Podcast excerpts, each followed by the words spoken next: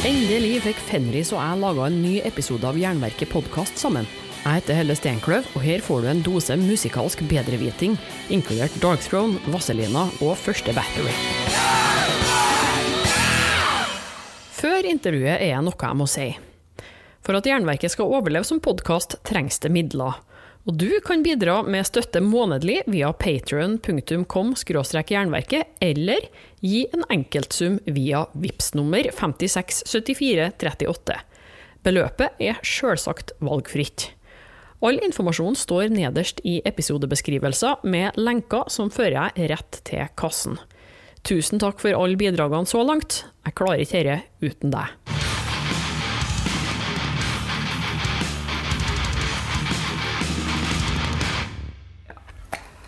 Ok, da ruller og går det her, så vi får bare egentlig teste lyden litt, tenker jeg. Testing, testing. Nå var det vi sa at uh, ja, vi må gjøre podkast, men vi må gjøre det skikkelig. Det skal jo ikke være sus i, i huggu, så da sa vi nei. Uh, vi får uh, maks ha én øl. Kan ikke gjøre podkast etter én drukket øl.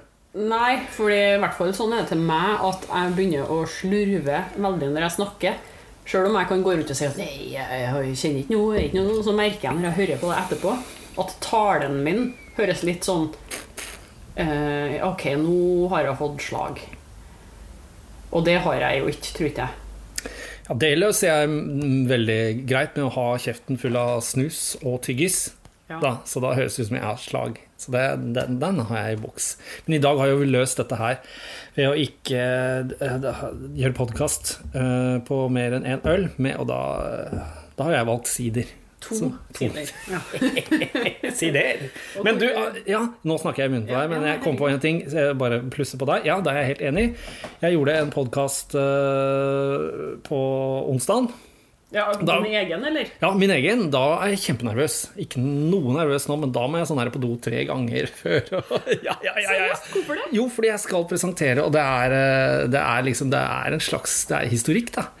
Så da jeg føler Det veier tungt. Altså, jeg skal tross alt lære bort noe. Ja. Altså, det, så det, og så sitter jeg og, og, googler og finner ut ting, og så er jeg nervøs for at jeg skal glemme. For jeg gidder jo ikke skrive ned og gjøre masse notater. Og da, hvis det blir sånn to øl, så merker jeg i ettertid da, da ramler alt inn som jeg skulle ha sagt. Ja. Altså Og som jeg kanskje ville ha husket halvparten av, det minste. Hvis jeg hadde drukket f.eks. minus en, en øl, eller vørterøl. Ja. Men, Men da Snakketøyet, det, det glir ikke over brødskiva like lett. Men det der med å skulle lære noe, jeg kjenner til det For at når jeg har holdt på med radio så mange år, så jeg, jeg tenker folk at ja, du skal jo kunne alt. Hvis du kan noe, så er det jo kjempeflaut. Så jeg var med i en sånn Kiss-podkast en gang, og jeg liker jo Kiss, men jeg, jeg er ikke sånn at jeg kan skostørrelsene deres og alle navnene på alle låtene.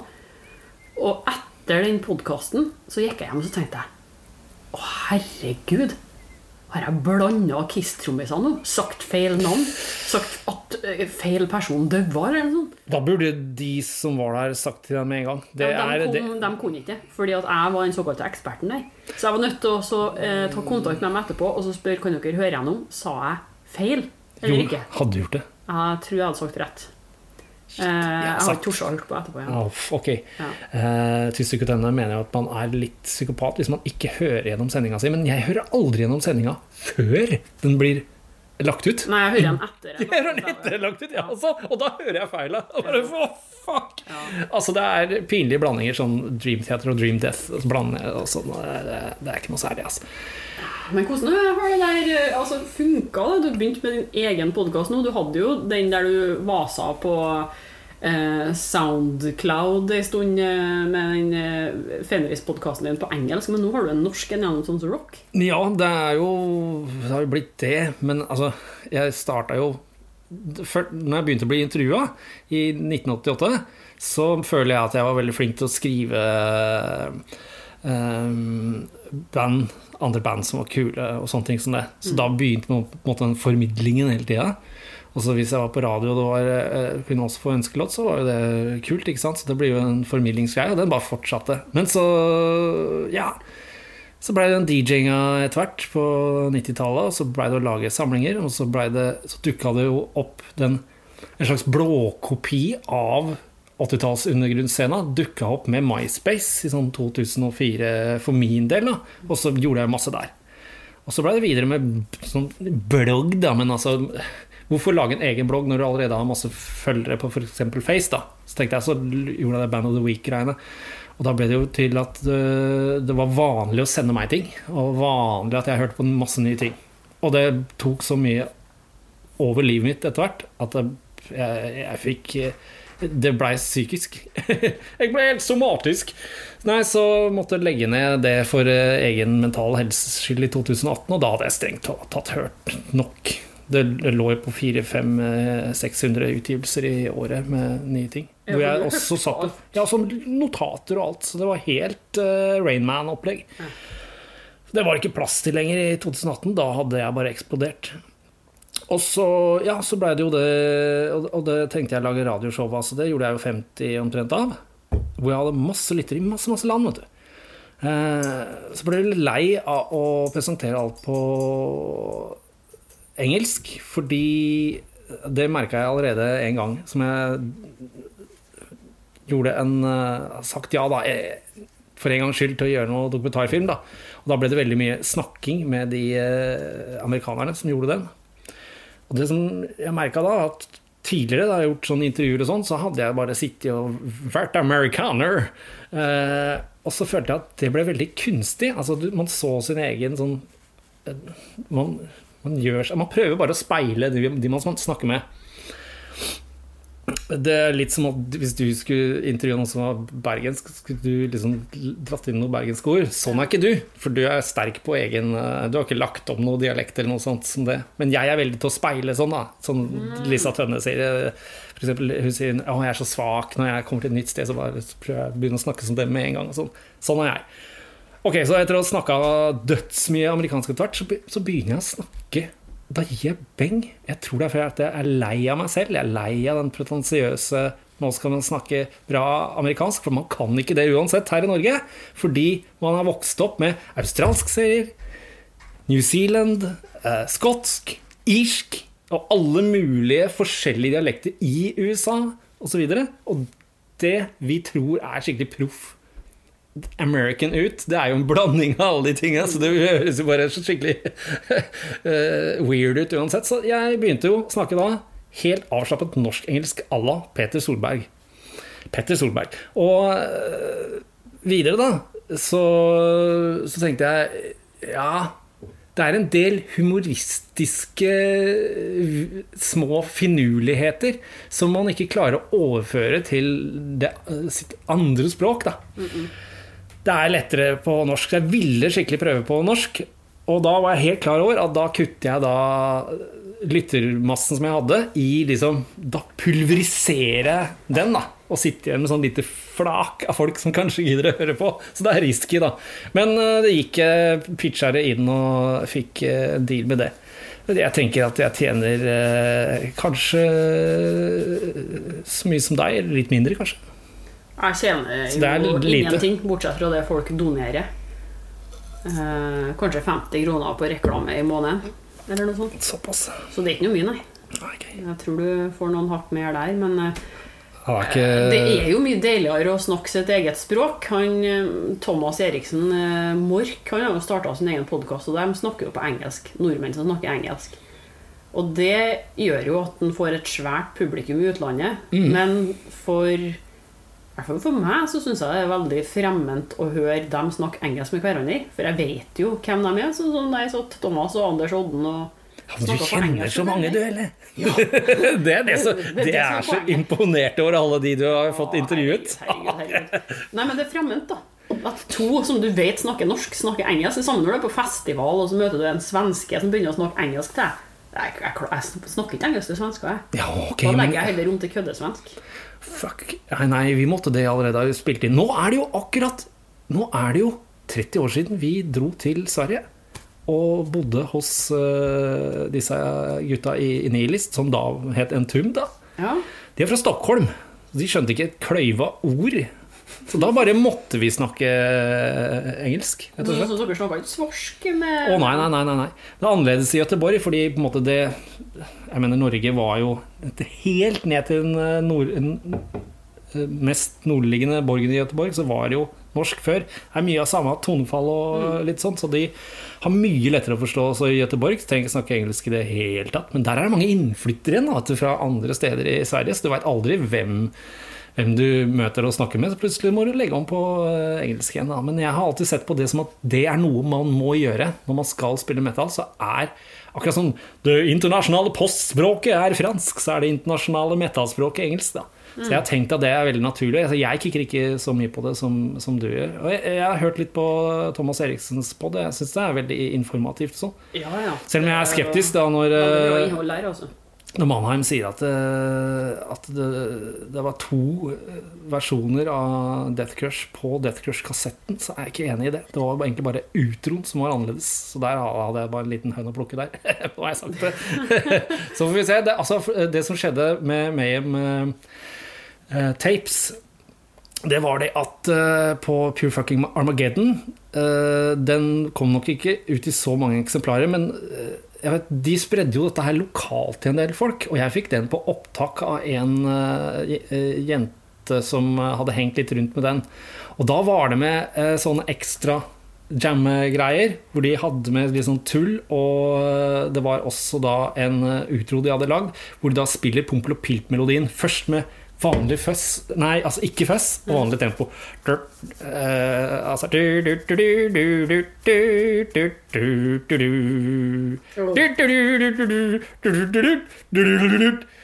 Og så spiller de med litt mer føss og så blir det fortere og fortere. fortere, fortere, fortere. Det er jo antageligvis ikke med på Pure Fucking Armageddons vanlige demoversjon uansett. Men de kan ha lagt til litt sånne ting til venner og kjente tenker jeg. men Så tenker jeg kanskje det eh, han roter litt med. Og det, eh, det er jo en viktig utgivelse. Det er derfor jeg tar det opp. Eh, Det, det, det, det burde ikke fi- fi- finnes en annen versjon av Death Crush-typ, men det er da altså utroen på plata er annerledes på kassetten, den er bare annerledes miksa.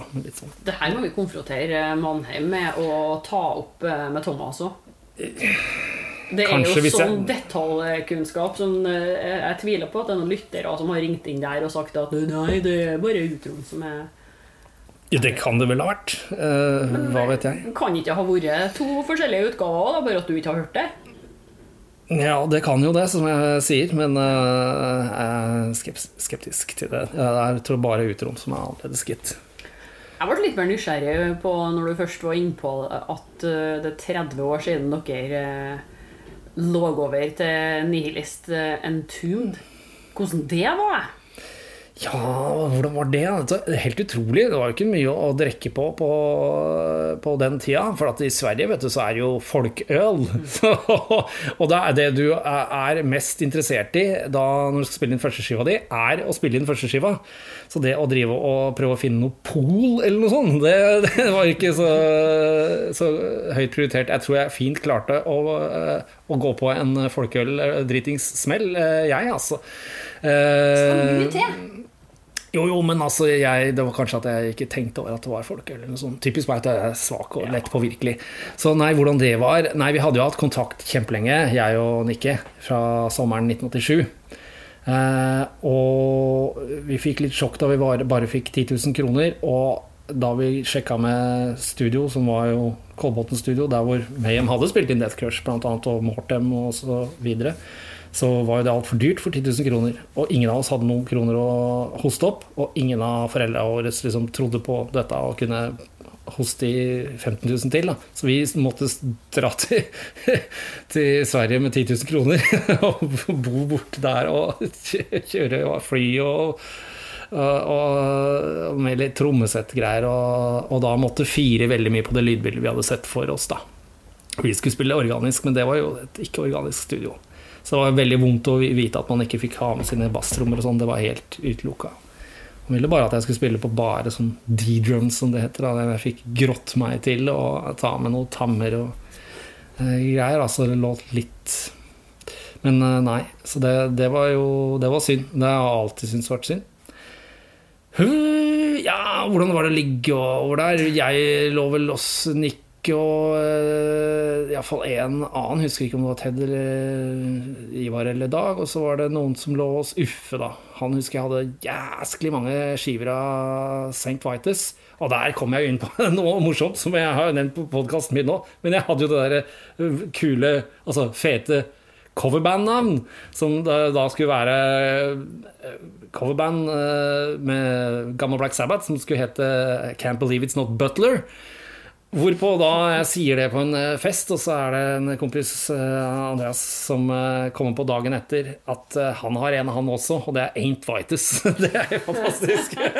Det er verdens beste Ja, jeg likte jo Bjorn Again også, da.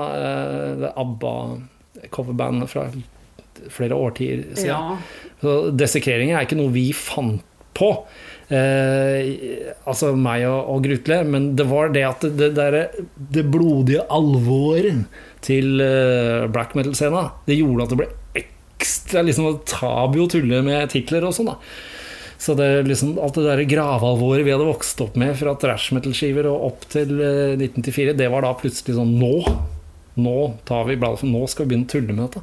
Da ble det jo fantastisk. Eh, han kunne jo eh, f.eks. ha alt mulig bregner i månelys, f.eks.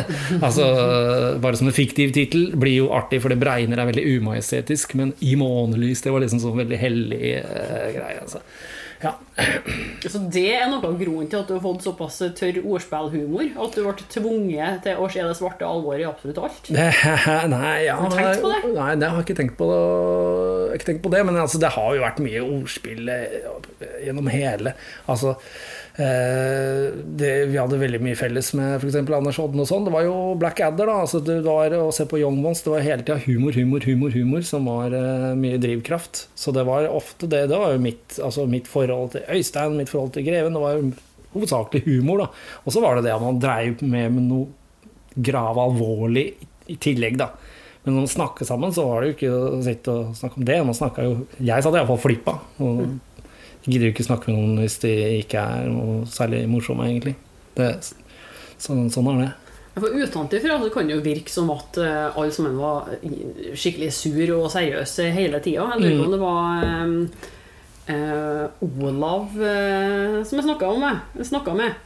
Din, din, venn Olav fra Nekromantion, blant annet, som sa det at han syns at den overgangen Eh, fra det glade 80-tallet til det sure 90-tallet, den var så trist at man gikk ut, og plutselig så kunne man ikke hele skikkelig til muskelen man hørte på lenger. Nei, det skulle settes med nakken bøyd. Hvis det kom noe bra, så kunne du løfte opp hodet, heve neven, men så måtte du se ned igjen.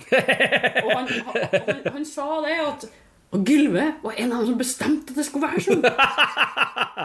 Stemmer det her? Var du en forkjemper for de sure byreglene her? Jeg har vært igjennom det glade 80-tallet. Kanskje jeg, eh, jeg, eh, vil noe annet. Men det var jo bare en periode. Altså, jeg kan ikke sitte sånn på eh, Elmstreet i alle år. Dessuten så begynte jeg å vanke på Elmstreet allerede i juni. 1991 tok opp forbrukslån da i to uker, for jeg hadde bestemt meg sånn i starten av juni da Nå skal jeg begynne å vanke på Elm Street. Og lønninga kom 20.6. Bare gi meg forbrukslån! Eneste forbrukslån jeg har hatt, da. Men, eh, så det ble tilbakebetalt, det forbrukslånet på, på den 20. Da. Men da hadde jeg to ukers liksom, forbrukslån og, og, virkelig Skal jeg først begynne å vanke på Elm da skal jeg være der mye, liksom. Det koster penger. Det, er, altså det at Det er sånt gamlinger nå syns at smør er dyrt, men jeg mener de har jo ikke liksom fulgt med på prisstigninga noe spesielt. Da. Det må man ta tak for at hvis en halvliter da kosta 30, så vil jo det tilsvare at nå koster 90. Det er bare sånn. En trippeløkning der er ikke noe unormalt, det. Eh, men jeg merker litt at jeg faller inn i gamlingsfella der sjæl, gitt.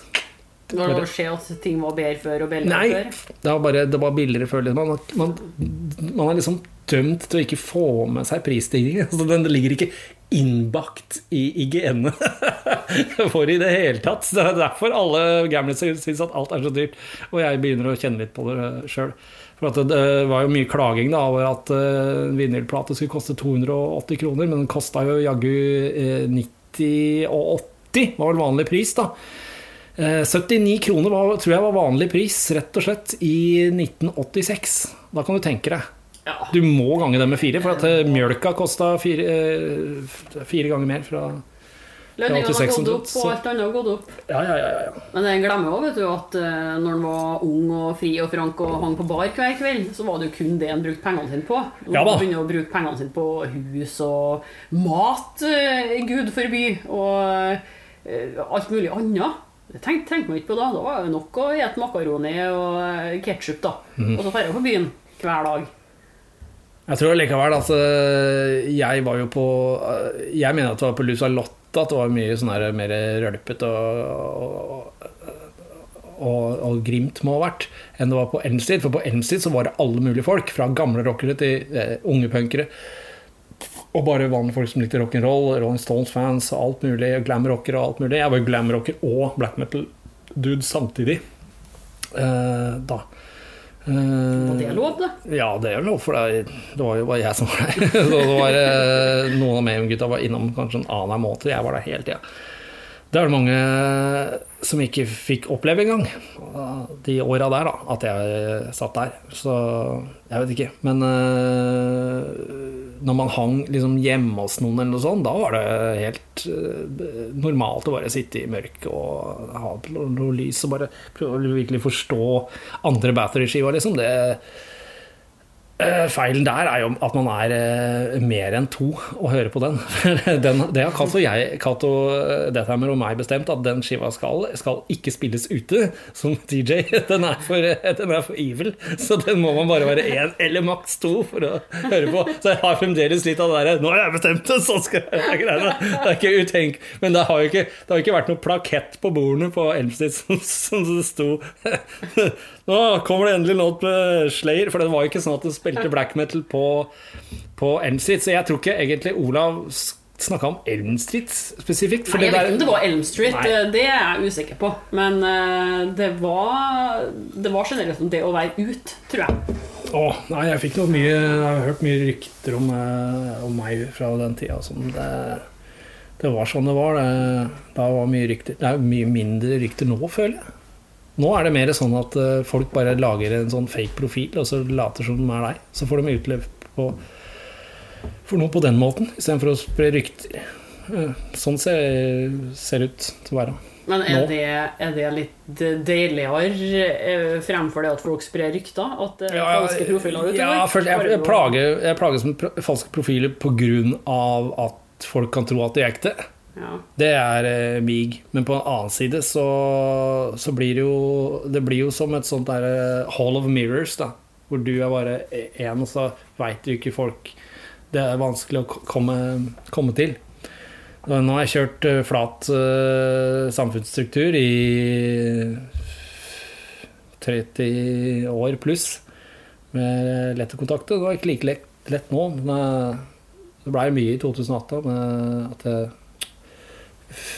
fikk så mye Altså måtte høre på så mye greier og sånt, så da ble jeg lei. og måtte trekke meg tilbake. Du går jo veldig inn i ting, nå, så det er jo ikke noe rart en eh, får en eh, liten kollaps av dere. Men hvordan eh, forholdt du deg til musikk etter det? Når du har blitt så lei og hørt på så mye, måtte du hadde du en periode der du ikke hørte på noe, eller hørte du bare på gammelt? da? Nei, innkjøpsstopp eh, kom jo inn da, for å minimalisere. Eh, ikke ha mye ting. Lage Altså forhindre framtidig økologisk fotavtrykk. Eller forminske det, da. Det gjør man jo ikke med å kvitte seg med masse ting nødvendigvis, men det, det gjør noe med at du ikke prøver å ha litt innkjøpsstopp, da. Det har jo vært en greie, og så var det jo Hva skal man fylle dilla med, da? Jo, det ble jo La Liga, så ble det fotball. Da. Jeg har ikke fulgt med på fotball eh, på 35 år, vet du. Annet enn VM-fotball. Så da ble det jo å følge med litt på det. Så en kamp i, i går seinest. Favoritten er en argentinsk spiller som spiller på Sevilla, som heter eh, Lucas Ocampos. Han er, eh, han er fet nå. Og da, da, da går man og kjenner på skal jeg følge, skal jeg bli fan av Sevilla nå? Går det an å bli fan av lag når man er liksom begynner å bli 50 år gammel? Er veldig vanskelig. Ja? Veldig vanskelig, Nei, det er veldig vanskelig, veldig vanskelig for meg. Men jeg kan bli fan av han spilleren, og da tenker jeg Blir jeg en sånn fyr da som bare hopper med han spilleren. Og han plutselig bare vrikker foten og blir eh, kjørt inn på eh, lån til en annen klubb, så må jeg heie på dem, da. Altså, jeg vet ikke, jeg. Så det feteste av alt er da kjøre gammel metal. Du har jo også sagt i showet, det, det har smitta opp meg, så nå har jeg sagt det i mitt show også, at eh, metal har ikke noe dato, nødvendigvis. Kjør på det. Men eh, da, da la jeg om helt. Ja, ok, fortsetter med podkast. Gjør det på norsk. Eh, Gjør ikke bare ny eh, musikk. Eh, Gjør metallens historie. Ja. Og det, det, der er det mye å ta av. Det høres ganske deilig ut, da. Etter eh, så Men det er kanskje det som må til. Så mange år med styr og søken og være blodseriøs, og så bare Nei, orker ikke.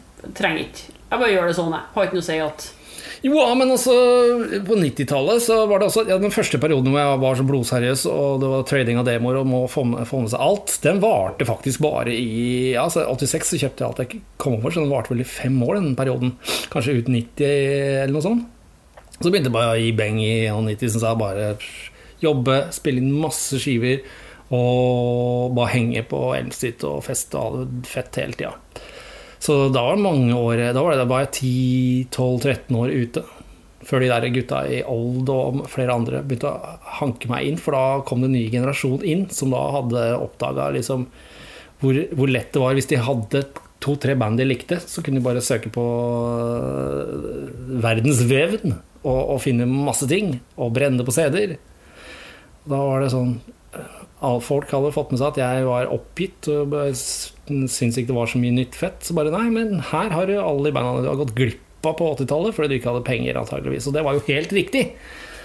Eh, Det merker jeg jo sjøl også. Altså, når man var 12, 11, 10, 14, 15 Ja, hadde ikke så mye penger. Og da, på 80-tallet, da måtte du ha penger for å For å ja, få hørt mye musikk, da. Bortsett fra sånne helliggriser som Tore Bratseth, som hadde pappa som var platesamler og sånn. Det er jo eh, det er ulidelig gull å ha det, og det har vært masse historier om det i mange intervjuer. Eh, Det har sikkert også du opplevd, at folk sier at det er en eldre bror ofte. Det er ofte den eldre bror. Det, er- det er gull å ha, det hadde ikke jeg. Så Nei, så jeg gikk glipp av masse på 80-tallet som ikke jeg visste om. Og da blei jo en del av 2000-tallet Det blei da både å følge med på masse kult nytt som etterapet åt gylne 80-tall, og mye gammelt oppdagelsesgreier samtidig. Så det var dødsfett. Ja, det er noe av det beste med internett. Altså.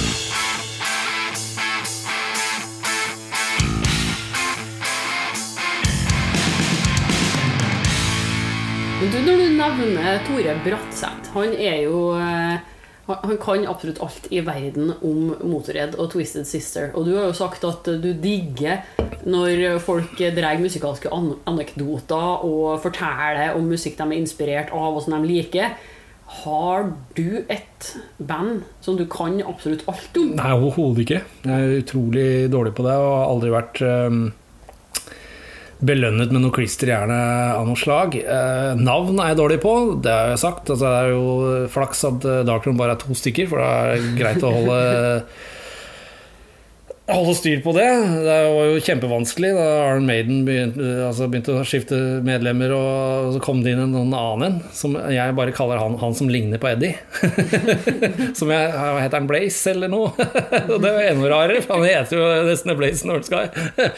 Han kom vel ikke inn i Iron Maiden på likt at Blaze North Sky-plata kom ut? Oi, ikke han to eh, Det er jo helt forferdelig. Veldig rart. Eh, Så det, det Nei, jeg har egentlig ikke det Jeg har rimelig peiling på eh, Jeg har rimelig peiling på f.eks. Vazelina og, og eh, B-52s, men det er ikke noe sånn Det er ikke noe Nei, jeg er ikke noe nerd i det hele tatt. Det handler mer om å høre på eh, mest mulig, da. Enn enn å lese mest mulig, for min del. Så jeg har hatt så mye tid til å høre, jeg, vet, du, og, mindre tid til å lese. Så det har blitt mer det. Så jeg har hørt veldig mye, lest veldig lite. Og så har jeg ikke Jeg har ikke den eh, Du sier altså Ja, jeg går inn i ting, men det er alltid sånn der variert palett, da. Jeg velger meg ut. Jeg, jeg har ikke det tunnelsynet på én artist. Har jeg aldri hatt. Uh, nei. Det er vanskelig med hvem som har spilt når. Og, og det er også sånn at jeg har ikke det med at jeg kan bestemme meg for å like alt av en artist. Men det som gjør det sånn med litt Vazelina og, og Biff-Uti-Tus, det er at de, det er to band som har hatt lengre opphold. da mellom, eh, mellom plater som er eh, gitt ut sånn seriøst. Eh, De hadde 16 års opphold hver, tror jeg. 96 eh, siste Vazelina før bensin på bålet kom i hva faen, er det, 2012-2010. Husker ikke helt. Og så var det det samme med, med The Beefy-Tus, som hadde 92-93 kom Good Stuff, og så kom det mye seinere skive. Og da tenker jeg da må jeg like noe av det siste som kom. For å kunne si at jeg liker bandet i sin helhet. De må ha noe å by på på, på hver skive. Eh, Så derfor så er det jeg framhever de to. Men det er jo mange band jeg har hørt like mye på som de. Men det er det, når det gjelder akkurat Vazelina og B52, så er det det at de har hatt noe De har hatt noe til meg gjennom hele karrieren. Ganske funny at de kom med skive helt likt. Og, Så du kan si at egentlig er B52 og Vazelina Bilopphøggers favorittbandene dine, ja. Sånn ja, ja, på en måte. Jeg, eh, jeg har skyhøy eh, selvtillit når jeg lager Best of Vazelina-greier og sånn. Jeg mener virkelig når jeg sier at den låta er bra, den er ikke bra. Da mener jeg det, da, da mener jeg det som en slags foreleser på noe eh, akademi eller noe sånt. Da, så det, jeg mangler litt det å kunne se hva andre kanskje ser i en låt som jeg mener er skikkelig døv. Det, det sliter jeg med. Så det kanskje litt for sterke meninger der, da. Så jeg, jeg har lært meg å si uh, Marius uh, på, på Tårnåsen har sagt til meg at du må huske å si at 'syns jeg'. Sånn at det ikke blir så innmari For at det virker som folk tar meg hardt. Kunne tatt meg litt så, så, Som du sa med Olav, da er gulvet bestemt, du har ikke bestemt at du skal sitte og være så grim. Men det er kanskje sånn har jeg vært litt, da. Så, så folk har tatt det til meg. Sånn det, sånn det kan føles. Du, du er jeg Hva er det heter? Jeg har helga gjerne nå. En, eh, en autoritet innafor det musikalske. Så tror folk kanskje at de må Du er jo faktisk det, men det er jo sikkert rart å Men jeg vil bare vel. Altså jeg, jeg, jeg føler jeg, Hvis jeg skal snakke om face warning og sånn, så jeg vil jeg vil veldig vel med det. Men jeg, ser jo altså Man skal ikke stikke under stol at uh, sånn som det fungerer med meg veldig ofte, er at det jeg hører først, er det får uh, et godt forhold til. Og jeg skal si noe annet som er det med at jeg har veldig vært autoritær på at det er det riktige lydbildet og sånne ting som det. Det skjedde noe, eh, noe jeg innså i går, forgårs. Var det hvorfor? Hvorfor var det hele tiden sånn at da jeg så uh, You Can't Stop Rock'n'Roll-videoen med Twisted Sister, så liksom løp jeg ned til eh, kameraten min og, og så ringte på bare 'Jeg har hørt noe som er enda fetere enn Kiss!' Og så Enda bedre! Og da er jo jeg lett påvirkelig av den raffe videoen. Ja. Og så er jeg lett påvirkelig fordi jeg hadde ikke hørt den på radio eller på plate. Jeg hadde hørt den da på musikkvideo. Og det var da gjennom kasse-TV-er som hadde kasse-TV-lyd. Så når jeg endelig får tak i skiva, så bare «Ja, Men dette låter altfor reint og klinisk. Og samme skjedde med ting jeg så eh, altså på disse Dortmund-halle-showsene, som er legendariske. Ser man da Def Leppard ser Quiet Riot og sånt, som bare eh, har en kjempeenergi på den kasse-TV-en igjen og igjen, igjen, og så får jeg endelig tak i plata. Ja, men dette er jo helt clean! Det låter jo helt klinisk. Så skuffa som bare det. Dere man har hørt først, er det på kasse-TV-en. Jeg er da et offer, da, kan man si, for uh, det med altså, musikkvideoer og, og det med å kunne ha VHS og beta hjemme og spille gjennom tjukkas-TV. Det blei mye rødtynn lyd. Her har vi groen til at black metal-lyden ble som den ble. Det er kassettspillere og kassettspillere. Ja, det var, men det var jo ufrivillig, det, vet du, for, det tror jeg, for, eh, for Hellhammer sin del og, og Bathory sin del. De, de jobba nok bare med det de hadde. Kan godt hende at de hadde lyst på kjempemye bedre lyd. De viste jo litt det også. Det er jo ganske grei eh, produksjon på, på eh, Into the Pandemonium med, med Celtic Frost og sånne ting. Eh, men det var mer det at det var den kulda vi skulle ha fram. Da, med, med det, for at det vi visste med Norwegian black metal, var jo ikke eh, Det kom jo ikke fra Norge. Altså det kom jo inspirert av alle de andre små Små Enklaver. Ja, de små enklavene rundt i verden som holdt på med ting som låt eh, dystert og, og, og kaldt og sånne ting. Men det var jo ikke noe helhetlig stil over det. Eh, Så altså, vi videreførte mye av det lydbildet. Jeg tror mye av de, det kom av at Uh, det var lite penger, var lite penger til studio uh, og sånn. Og så, ja, så låt alle litt frynsete på sin, sin måte. Det var noe vi bare skulle ta videre. Det var en tradisjonsbærende eh, Det var tradisjonsbæring inn i 90-tallet fra vår del. Det skulle ikke være. Og så var det en motstand mot uh, Morrisound og Sunlight Studio.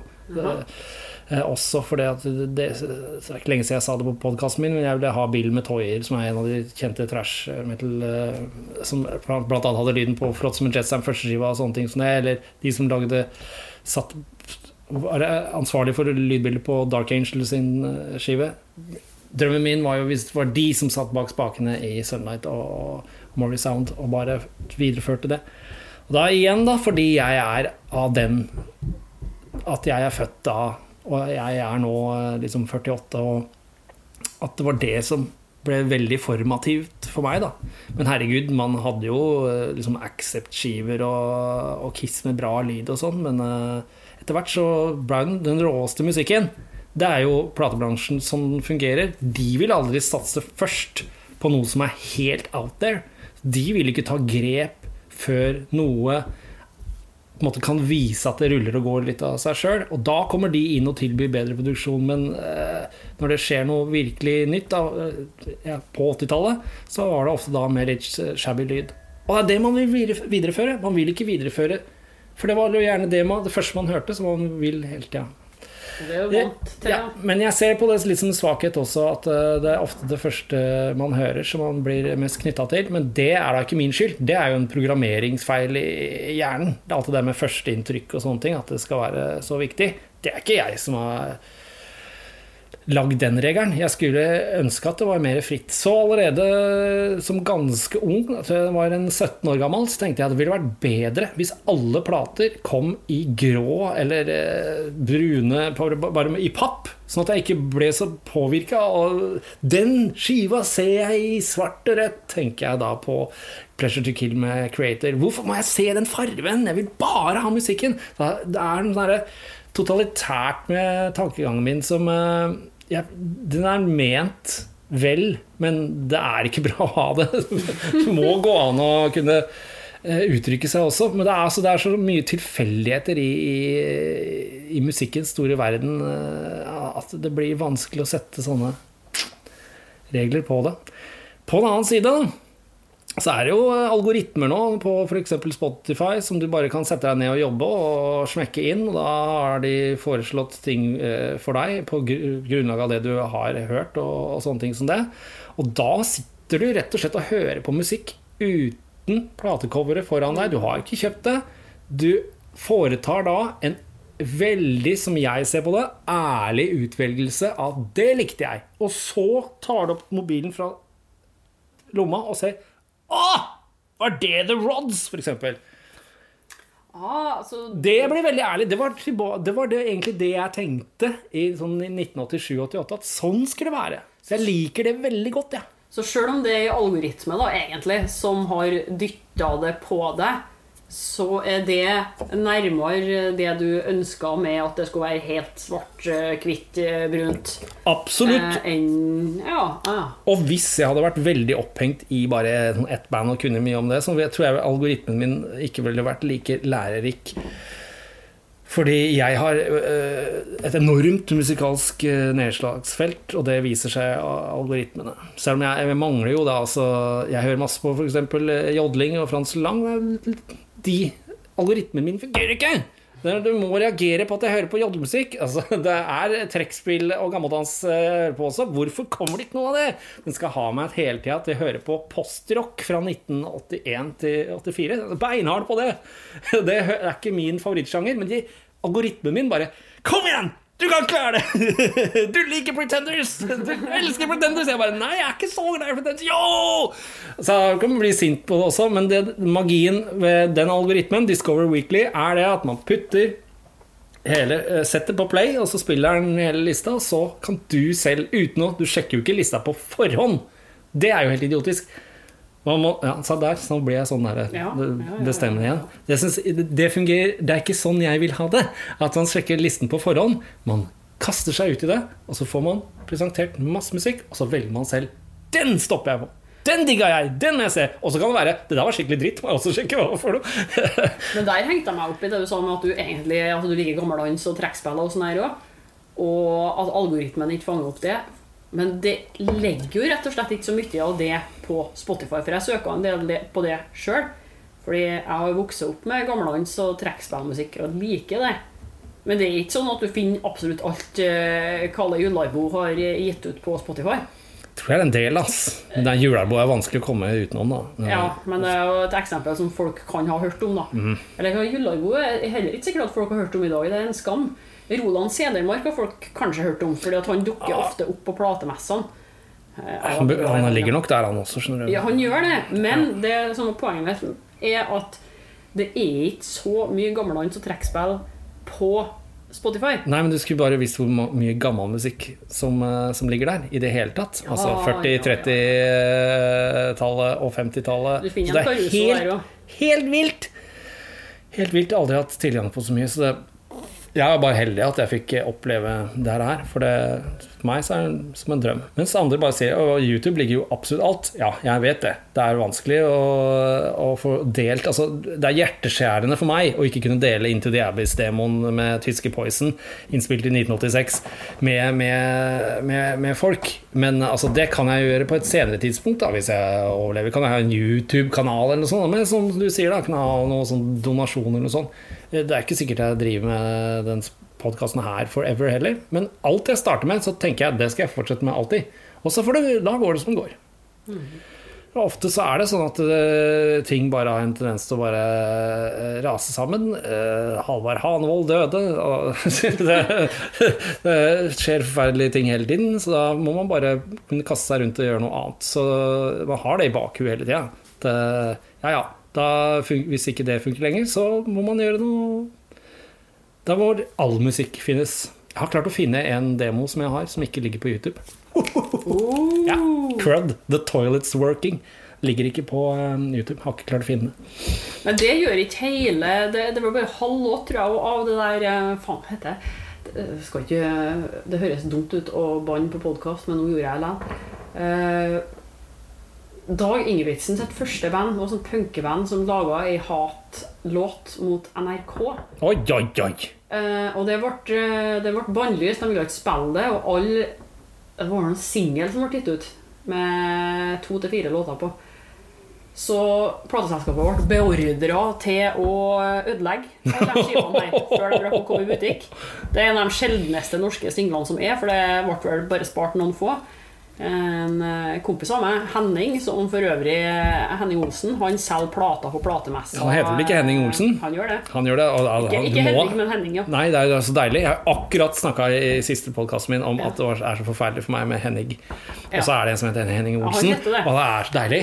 Ja. Altså, man får lyst til å gifte seg med han. Ja, og den her fyren Jeg bare reklamerer for han nå for dere som drar på platemessa. Dere kommer til å møte han. Trivelig fyr med mye skiver og briller, kort, blondt hår og eh, hva, hva skal du kalle det? Ja, så Du kjenner igjen, for han har, sånn, han har en sånn liten diplomi-stand ved siden av. Ja, Ikke Henning Olsen. Men samme det. Han har den singelen. Og det var sånn jeg fikk høre om den historien. Og da tenkte jeg å, jeg vil høre hele den. Vi hørte ikke på den hjem til han. Jeg husker ikke på om han den i mint, og at vi ikke kunne høre på han, eller hvorfor vi ikke hørte på han. Men da søkte jeg på YouTube, for at alt er jo kjent for å ligge der. Ja. Men det gjorde ikke den. Men det er kanskje ikke så rart heller, når det kanskje bare finnes fire eksemplarer av den singen i hele verden, og det sannsynligvis er noen på 60 som har det, og de sitter ikke der og tar opp ting og legger det ut på YouTube. Nei, det gjør kanskje ikke det. Ikke så ofte. Noen gjør det. Ja. Men kanskje ikke akkurat dem som har den. Så ja, vet ikke helt hva poenget var med det her, men Ja, det var bare for at vi skulle Ja. brife med at vi visste om noe som ikke lå på YouTube. Ja, er derfor, veit ikke. Hvor langt kom man med den brifinga? Hei, jeg skal inn på utested. Veit du hva, eller? Jeg kjenner en demo som ikke ligger på YouTube. Ja ja, kom inn, min gode herre. Vi vil ha deg i vårt fagre etablissement. Det er derfor vi og alle de skrotingene i verden holder på å lage podkast. For at vi tror vi har noe å fortelle folk. Ja ja, men Så er det eh, noen to-tre stykker som hører på, da, og så bare ja. New York Times hadde vel eh, sagt, var det i oktober, at eh, nå har podkastbølgen nådd sitt, sin topp. Nå gjør alle det. Men det er ikke alle som gjør det, vet du. Det er ikke alle. Men veldig mange.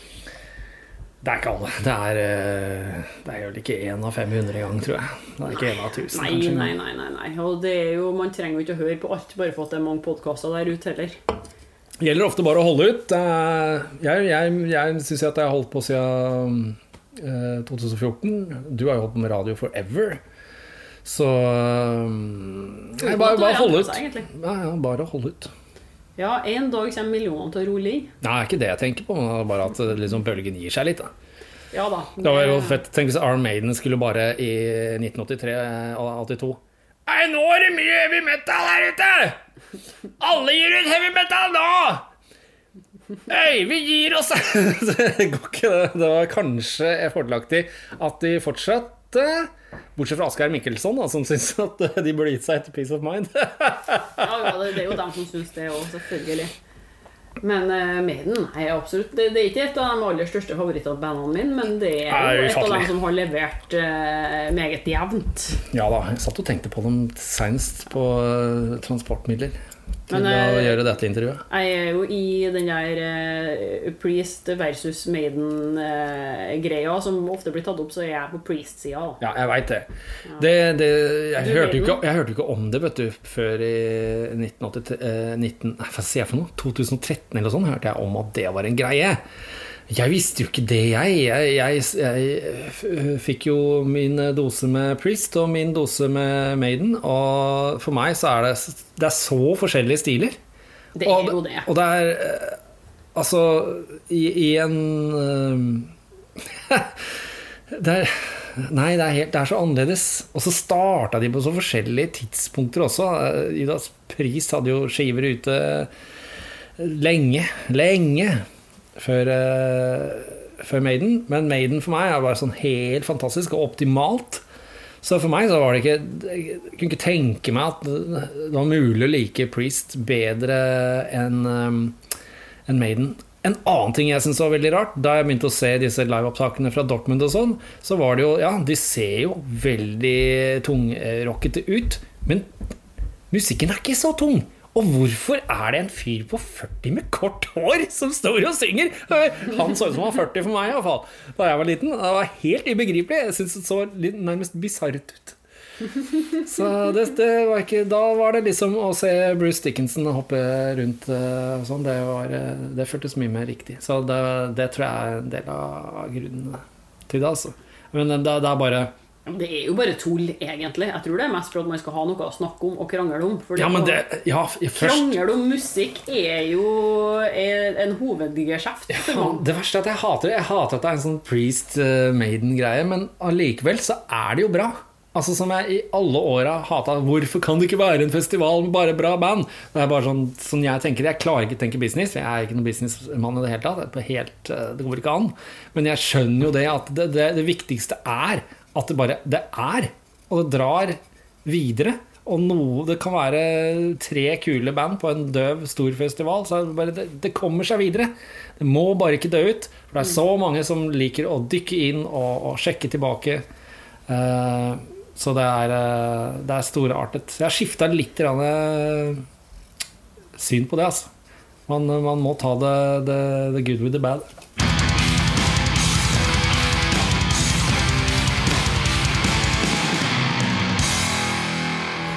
Håper det kommer ei eh, ny Eller om det er vedvarende, eh, hva skal vi si Men at det fortsetter å blomstre innenfor musikk og festival, sjøl om eh, vi nå blir satt på vent en stund. pga. det berømte viruset. Fordi det blir jo ikke mye festivaler nå, men kommer det noen nye kule folk som tør å gjøre noe der? Eller fortsetter man med kjedelige ting? Eller hva, hva gjør man? Ja, jeg har ikke noen paralleller til det, men uh, hva skal man si? Skal man se på Sverige og en del en del land fikk ganske mye traumer av andre verdenskrig. Da, da forandra tonen seg veldig. I, i Sverige f.eks. så var det Da skulle ikke noen ting være provoserende på 50-tallet i det hele tatt. Og da var det, det var eldre ensembler på gjerne sånn 40-50-åringer som liksom som tok og skulle være rock, som de hadde jo stjålet fra, fra de melaninrike, blant annet. Så skulle det framføres med bare sånn der se på, se på kosedyret i vinduet-greier og sånne ting. Det skulle være helt eh, teflonaktig. Det skulle ikke være noen konflikter etter krigen. Det skulle iallfall ikke før ti år etter. Så Ja, nå har det gått eh, snart 80 år, og det er fortsatt like så Nei, jeg vet ikke. Nei, nei, nei, nei, nei. Det, er, det ikke sånn jeg tenker i det hele tatt. Men jeg tenker at vi kan få en liten periode hvor folk er forsiktige etter eh, coviden, kanskje. Og så kommer det til å brase løs igjen. Jeg mener, kan du ikke Villbasser vil det alltid være, vet du. vi får regne Can't stop rock'n'roll. Eh, nå blir det her veldig smalt, men eh, det er jo Rock'n'roll er smalt! Ja, de er jo vant til det, lytterne. Men det var også Arcturus på settekonsert eh, nå eh, på Sentralen. Hvordan konsert sa du det var? Arcturus, de spilte for Ja, men, ja, men eh, ja, hvordan, på, Altså hvordan settekonsert. Vi måtte sette. Sittekonsert, Det ja. var, det var, du kunne være to og to hvis du hadde bestilt to billetter samtidig. Eller så hadde du én og én, så var det en meter mellom radene. da, sant? For det her eh, var viruskonsert. Ja, men det høres jo ut som det som Olav kritiserte meg for eh, Ja, i gamle dager. Du skal sitte ned, og skal ha avstand! Og så skal du sitte og konse... Det er jo ingen som står og eh, banger og hører på Bathory! Du skal sitte! Det var så deilig. Altså, jeg digga å være på konsert på den måten. Jeg er blitt lei av det med å få knust glasskår i håndflatene når jeg tryner på rad 1. Mm. Men det smale her, som jeg skulle frem til, var ikke Arcturus, for det er det flere enn fem personer som har hørt om. Men Altså, Det Har den blitt tjukke, mener du? det, det tjukke, ja. Det tjukke var det. Eh, det var at eh, en som vi alle sammen eh, kjenner godt hvis vi har vært på metal-konsert, han var den eneste som ikke klarte å sitte i ro. Han satt på rad 1. Eh, slangen. Han har litt måne... Han har blitt noe Han, eh, Den legendariske konsertgjengeren der. Du ser det alltid vil være noen villbasser. Der har vi noen som heller ikke under korona klarer å sitte stille. Så vi får håpe at det kommer en ny generasjon med villbasser også etter korona. Det ble så smalt. Det er godt å høre at den er tilbake. Det er bare en vennepodkast det blir her. Jeg har ikke noe å si det, da. Nei. Folk hører på en likevel når de ser navnet ditt. Ah, Jeg lever på deg.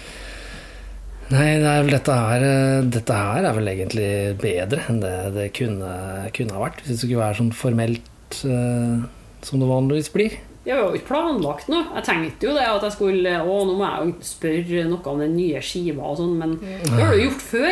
Ja. Men, men der uh, Det kan jeg spørre om. Har du blitt inspirert til å lage noe ny og mer musikk nå når livet har vært roligere enn vanlig? Altså Ja, da, da begynte jeg å leite etter det heavyen som jeg hadde spilt inn for eh, 28 år siden. Og så, som jeg trodde jeg hadde mista, og så etter hvert så tenkte jeg at var det bare en drøm. Og det Isengard-greiene? Ja, det Isengard-greiene. Da begynte jeg å leite opp det, så der ble jo en skive etter hvert etter alt det jeg fant, og, så, og så raska sammen der. Men eh, med, med Darktron-messig så fungerer det ikke sånn i det hele tatt. Vi vil ikke være påvirka av det her i det hele tatt. For det at jeg jeg var på en tur med Bråten nå, fra Kondor og alle de greiene, vet du. Så på Slettåsen så fant de sånn steinalderbosetting som er gravd ut, og så sa um, Bråten at inn her så er det dritfett, og det var så jævlig fett. Kom tilbake fra turen. Det har gått fire timer i strekk. Uh, det er jo ingenting, men altså, det allikevel. Det er jo noe. Det var jo veldig lummert. Lummertmannen! Nei, og så Vent litt nå. Det kan være vørterøl. Obligatorisk lyd. Så Så øh, kom jeg ut fra dass. Da hadde jeg ett riff eh, i huet. Eh, da hadde jeg sett på en dokumentar om smurfene, faktisk. først, og så kom jeg ut med et riff. Og så Da nynner jeg en riffet. Så rett etterpå så bare uh, Da må jeg ha den overgangen. Da kommer det riffet inn. Boom. Hva er det første riffet inspirert av, da? Er det inspirert av gåturen som vi hadde? Er det inspirert av smurfedokumentaren? Er det inspirert av at jeg var på do? Eh, det bare kommer rett inn i huet. Eh, og så må den innes inn. Eller da fikk jeg plutselig så to bra riff som funka sammen. Da måtte jeg sette meg ned med gitaren for første gang siden februar i fjor, da jeg begynte å få riff. Eh, men da var det bare sånn inn, inn, nynne inn. Så da har jeg hatt 30 riff. Den nynna inn. Har ganske bra koll på det. Jeg har telt og greier. Så på forrige skiva så hadde jeg lagd tolv riff. Så da kan du tenke deg, jeg sitter på ganske mye materiale, men jeg bruker alltid å scrappe det. Pælme, pælme, pælme, pælme. For de kommer ned i huet uansett. Og det er samme hva jeg gjør. Så da var det når eh, Hvordan fortsatte jeg på den eh, låta da? Jo, da fikk jeg en sånn overgang. Så bare tenker jeg faen, hvilket band er det? Hvilket band er det? Ja, det må være Solitude Turners-greier. Nei, men jeg tar det likevel, for det er bare en liten overgang. Så er jeg ferdig med det. Så begynner jeg å støvsuge. Støvsuger nede. Støvsuger. Der kommer riffet som skal være etter overgangen. Mens jeg støvsuger. Hva er jeg inspirert av da? Støvsugingen? Er jo ikke det. Jeg bare får riff i huet. Så det er litt vanskelig, da, for det som skjer etter at alt er spilt inn, eh, satt sammen Altså først altså med å spille inn, så kommer det ferdige produktet. Og så er det folk som spør hva er du inspirert av. Da setter jeg meg ned og hører på riffa. Hei, det er riff nummer to der. Låter som et sånn pentagramaktig riff. Da sitter jeg og gir ut hele innholdsfortegnelsen fra noe jeg tror jeg syns det ligner, ligner på. Men da det skjer, når det bare detter ned i huet Pokker, jeg. Da vet jeg ikke hva det kommer fra. Men jeg vil prøve bare å svare ærlig.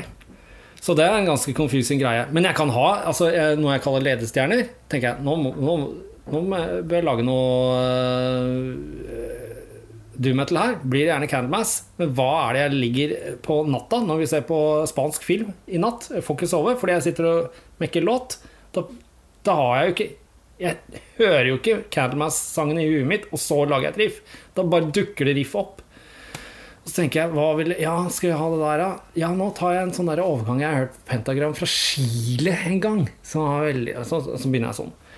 Og da blir jo ikke riffet likt pentagram fra Chile, men da er det en, en, noen rytmer som skal på plass. Så for min del, veldig fordel å være trommis som lager riff. For da, da går det veldig mye på hva blir effektivt riff. Jo, det må ha rytme i. Så jeg merker det veldig på gitarister som ikke eh, hovedsakelig er veldig interessert i rytmer. Det kan ofte bli riff som er, er dritbra eh, toner, men som ikke er så effektive å spille. da Som kanskje bare blir mer et sånt et sjal istedenfor hardrock. Eller ja, whatever, da. Men sånn trenger det ikke alltid være. Men sånn, det, det var det jeg hadde å si til det spørsmålet ditt. Jeg har ikke ja, svarte det på noe, egentlig. Ja, nå har jeg fått lagd det. Men så glad jeg ble etter å ha lagd den eh, første låta. Det tok da 30 minutter totalt, egentlig. Alt det der, fra jeg hadde gått ut av do, og så fra støvsugingsgreia. Og så bare Og så kommer det siste riffet bare som en jam. Fordi for når du har plutselig får et riff til, så stopper det ikke. Du, du veit du må ha et riff til, Altså det kommer mens du sitter med det forrige, så kommer det. Hvor skal det Men er det litt det samme for eh, Ted òg, da? Eller at dere begge er litt innfallsmetoden? Nei, Ted sitter bare og spiller og spiller. Ja. Sier han. Så han må sette seg ned med gitar.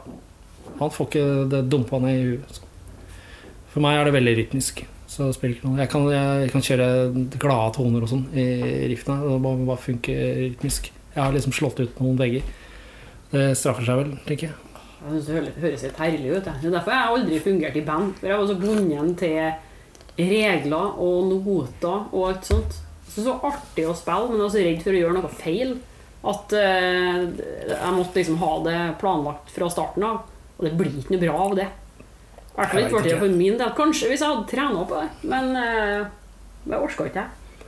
Så det ble nå ett band. Og ett-to år med det. Ja, det er et mirakel at vi klarer å snekre sammen nå, men det, når vi først står der, så bruker det å funke veldig bra. Tar det veldig på veldig fort, kjappe takes, da. Må være det. Hvor mange skiver har det blitt nå? 20 eller noe? Ja, det, ja, det begynner snart å bli det. Det er sikkert 18-19. Ja, ikke sant? Så det må jo funke, da. Ja, Man kan ikke gi ut for mange. Det er ingenting som kjeder folk. Jeg syns det virker veldig kjedelig. Da jeg var i um, det jeg kaller journalist uh, journalistsirkelen på hvordan du får musikk. Da får du masse masse, masse promoer. Du har tilgang på veldig mye av det som kommer ut.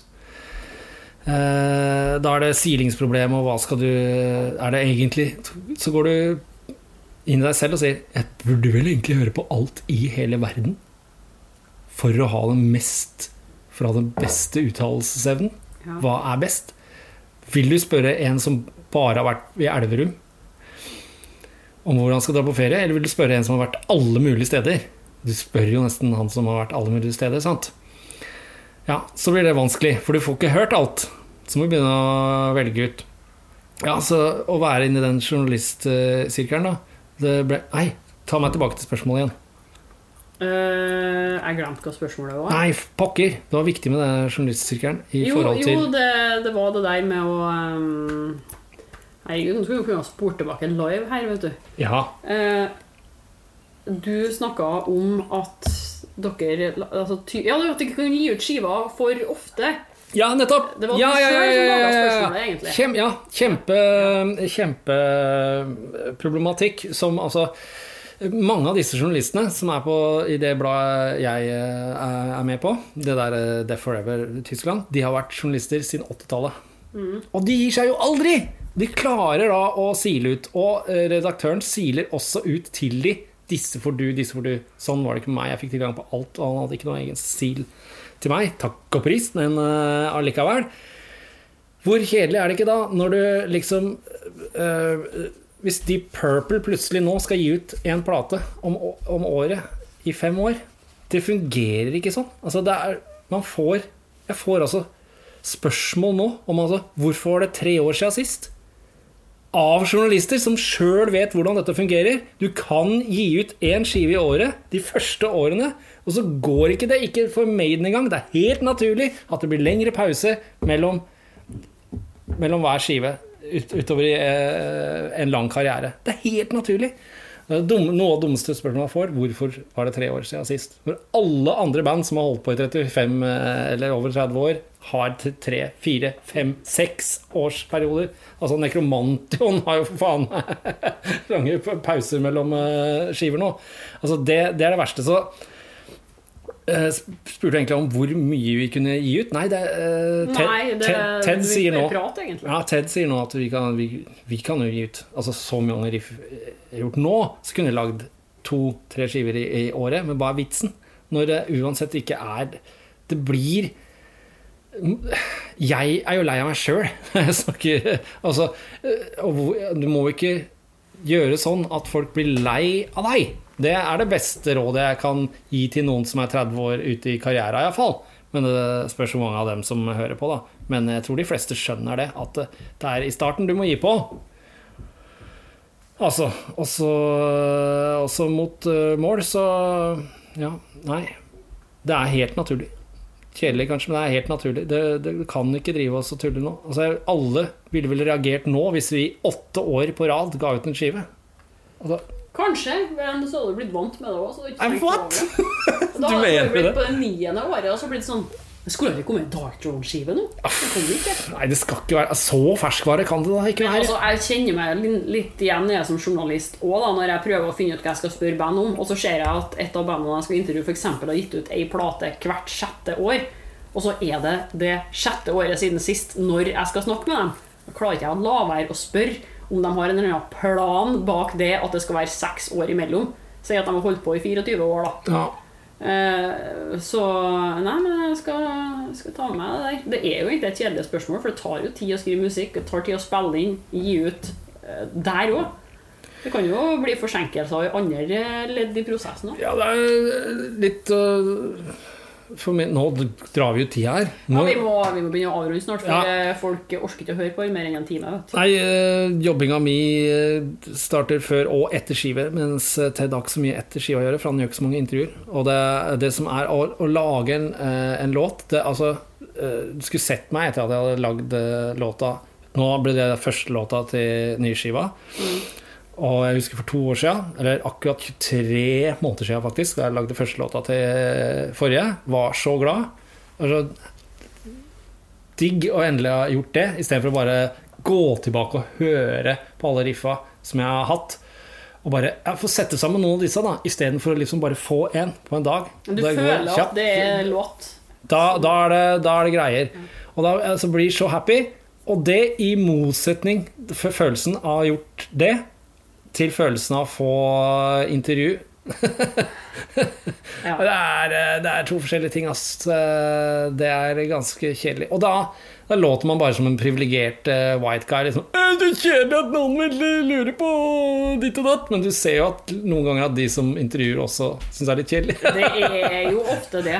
Men altså, du er jo en person som snakker mye, i hvert fall. da Så eh, her Jo, men jeg skriver intervjuer, jeg, vet. Ja. Ja. Men, men, men eh, Ja, snakke eller skrive mye, da. Men, men eh, et, en siste ting før vi gir oss her. Og nå er det jo bare ni minutter igjen av selve opptaket, ser jeg. Eh, Har du sperre på en time? nei, jeg har ikke gidda å slette av filer. Uh, det jeg skulle, skulle spørre om, var egentlig hvordan, føltes det å finne igjen den gamle Isengard-greien? For du har jo sikkert ikke hørt dem siden da heller, bortsett fra i hodet ditt. Ja. Altså, syns- Tenkte du at dæven, herre, jeg var god den gangen? Altså. Eller hva, hvordan føltes det å finne det etter så lang tid? Nei, jeg syns ikke jeg var eh, så god, men det det, det, det, det er, er at eh, betyr, Siden at jeg både jeg, jeg gjorde absolutt alt sjøl, så betyr det så innmari mye. eh, og det blir så personlig. Og det i, i tillegg da, til at Isengard er gjennomgående ikke proft. Altså det er, det er så mye Det er så antiproft. Så, så blir det veldig personlig. Uh, Så det merker jeg for spørsmålet nå, er hvorfor hva, er dette noe sammenraska greier? Ja, første Isengard-skia, ekstremt sammenraska greier. Da var det bare sånn Hei, Uh, jeg ringte vel kanskje til plateselskapet. Veldig rart og sa sånn Kunne dere tenke dere å gi ut noe greier som jeg har gjort sjøl? Ja, vi gir det ut på underselskapet. Og da er det bare sånn Hvor er alle de kassettene? Ja, vi setter sammen. Dro faktisk satt på Immerslund i Skippergata. hos Vidar Winther, som da skulle produsere eh, tredjeskiva vår, 'Under Full Moon', visste ikke vi. Han ble jo seinere hanka inn til å gjøre lyden for OL i Lillehammer. Noe som overraska oss, fordi han var helt sånn herre 'Skal du ha mer diskant, ja?' Skal du mer bass? Ja. Og sånn var var ikke vant til at folk var. Folk sitter ofte i studio og har sine egne Ja, ja. innstillinger og bare 'Skal du ha litt bass, ja?' Det er alt du får. Nei, så det var crazy. Eh, Så det var samraska greier. Så var det den andre der Isengard-skiva ikke var så samraska, men eh, de nye greiene helt klart samraska, for det er masse ting jeg fant, og masse ting som har ligget litt her og der. Men jeg var overraska, altså, jeg var overraska for jeg fant, fant ikke det jeg lette etter først. Da fant jeg to andre heavy-låter som jeg hadde glemt. Men med en gang jeg hører det, så er det sånn at Altså Det, det har jo Da man, man har alt hva som skjer, med en gang. Man bare starter å og setter på bare Å, den! Fuck! og så, så hører man bare sånn Nei, det er ikke helt, ikke helt rent der. Og så, det fungerer ikke. Å ja, det funker kjempebra. så man sitter og er veldig sånn eh, idoldommer på egne greier. Så bare, ja, men det må ut uansett, for dette betyr så mye for meg. Ja. Det, men det, det var egentlig mye av samme som første Isengard-plata var. Da. At det blei sånn Kan, kan jeg gi ut Så lofi og rart. Men det er jo akkurat samme lydbilde som det greiene jeg fant. For det var akkurat fra samme periodene. Så det er eh, helt, eh, helt streit, sånn sett. Og så endelig, på andre forsøk, da fant jeg den heavy-låta som det var snakk om. Og da var jeg bare sånn Woohoo! Nei, jeg har ikke giddet å lage bass på den, nei. så er det sånn Bestial Tormentor! Taste, taste, taste. Kan dere ha bassen? Taste, taste, taste. Han kom med bassen, vet du. Og Så jeg legge, har lagt på det i ettertid nå, altså. jeg legger på samtidig med at jeg overfører digitalt. Ja, ja. Jeg gjorde det på hele Panserfarsskiva med Darkland også. Hvis jeg da hadde spilt én feil på bassen, måtte jeg bare ta alt feil. Måtte jeg bare gjøre på en Legge over til, til masterkassett mens du spiller bass. Det, det, det gjorde jeg altså nå, da. Men da hadde det jo skjedd noe gærent med bassen hans, altså, det funka så dårlig, så skjønte ikke Så jeg bare Jeg får, jeg får skru den lavt, da. og så møter jeg noen uker senere og har fått igjen bassen. Du, det var veldig sleikete der. Ja, ja. Eh, har nok bare fått seg en liten, uh, liten dult, så jeg bare skrudde opp og fiksa det. Her kunne jeg briljert med mine voldsomme basskunnskaper, mens jeg bare måtte skru det lavt, for det funka ikke på de mørkeste tonene. Ja, det var det. Teorien bak lyd. Nei, så Det er jo Shabby Father, men det har det alltid vært i Isengard. Det har alltid vært bare det der Necrohell-studioet. Så det der lille fire, firesporsen som Hvalgutta kjøpte i 87, tidlig 88. Og det, der har det vært det, Alt på, med Isengard er det, da. Så er sikkert noen som syns det er fint å høre den lyden igjen. Det er 25 år siden forrige soloskiva. Ti går. Jeg sa det aldri skulle bli noe, da, men det var veldig artig å finne igjen de greiene. Men det var litt pga. coviden, vel. Da hadde jeg jo litt ekstra tid til overs. Ja. Ja. Så noe fett skjedde da. Og så ble det jo sånn dark ansiktsmaske. Og det må jeg bare Jeg kan ikke unnskylde, men jeg hadde veldig delte meninger. Så jeg var ambivalent til om vi skulle ha ansiktsmaske eller ikke. Så tenkte vi, Da var det jo sånn helt anti-ansiktsmaske i Norge. Tenkte ja, men hvis folk vil ha noe annet enn disse kjipe ansiktsmaskene, så kan de få lov å kjøpe noe med logo på. Greit. Jeg. Og det jeg merker nå Jeg kunne jo aldri gått med en ansiktsmaske med egen logo på. Men jeg har iallfall ikke lyst på de der kliniske maskene. Det har jeg ikke heller. Jeg vil ikke det. Jeg har lyst på sånn raff, sånn, sånn svart maske, som ser noen av de der strenge damene på, på eurocupen nå, som foregår i, i Tyskland, har. Sitter sånn stram sånn. Ser nesten ut som en slags superhelt. Ja. Latexmaska. Nei, det er ikke det heller, skjønner du. Men det er, det er jo tøy, ser det ut som. Men måtte ha hatt det, tror jeg. Og da er det vel greit. Jeg, jeg kunne fint hatt en med B52s-logo. Du har hørt et helt nytt intervju med Gylve Fenris Nagel fra Dark Throne. Likte du det, kan du f.eks. høre episodene med Ved buens ende og Aura Noir. Neste uke får dere noe ganske obskurt og halvgammelt, italienske crossburst. we just do it because yeah because fuck we have to make noise and all this shit you know but who cares about this musician stuff it's for musicians Abonner på Jernverket podkast via podkastapp eller gå inn på jernverket.kom. Spre ordet, legg igjen en femstjerner og lytt. Og om du vil bidra med litt penger for at jeg skal kunne fortsette, kan du gi støtte via Patrion eller Vips. Og husk på å følge Jernverket på Instagram og Facebook for konkurranser, diskusjoner og musikalske tips. Navnet mitt er Helle Steinkløv. Jeg gir deg et nytt eller gammelt hardrockintervju hver fredag. Vi høres!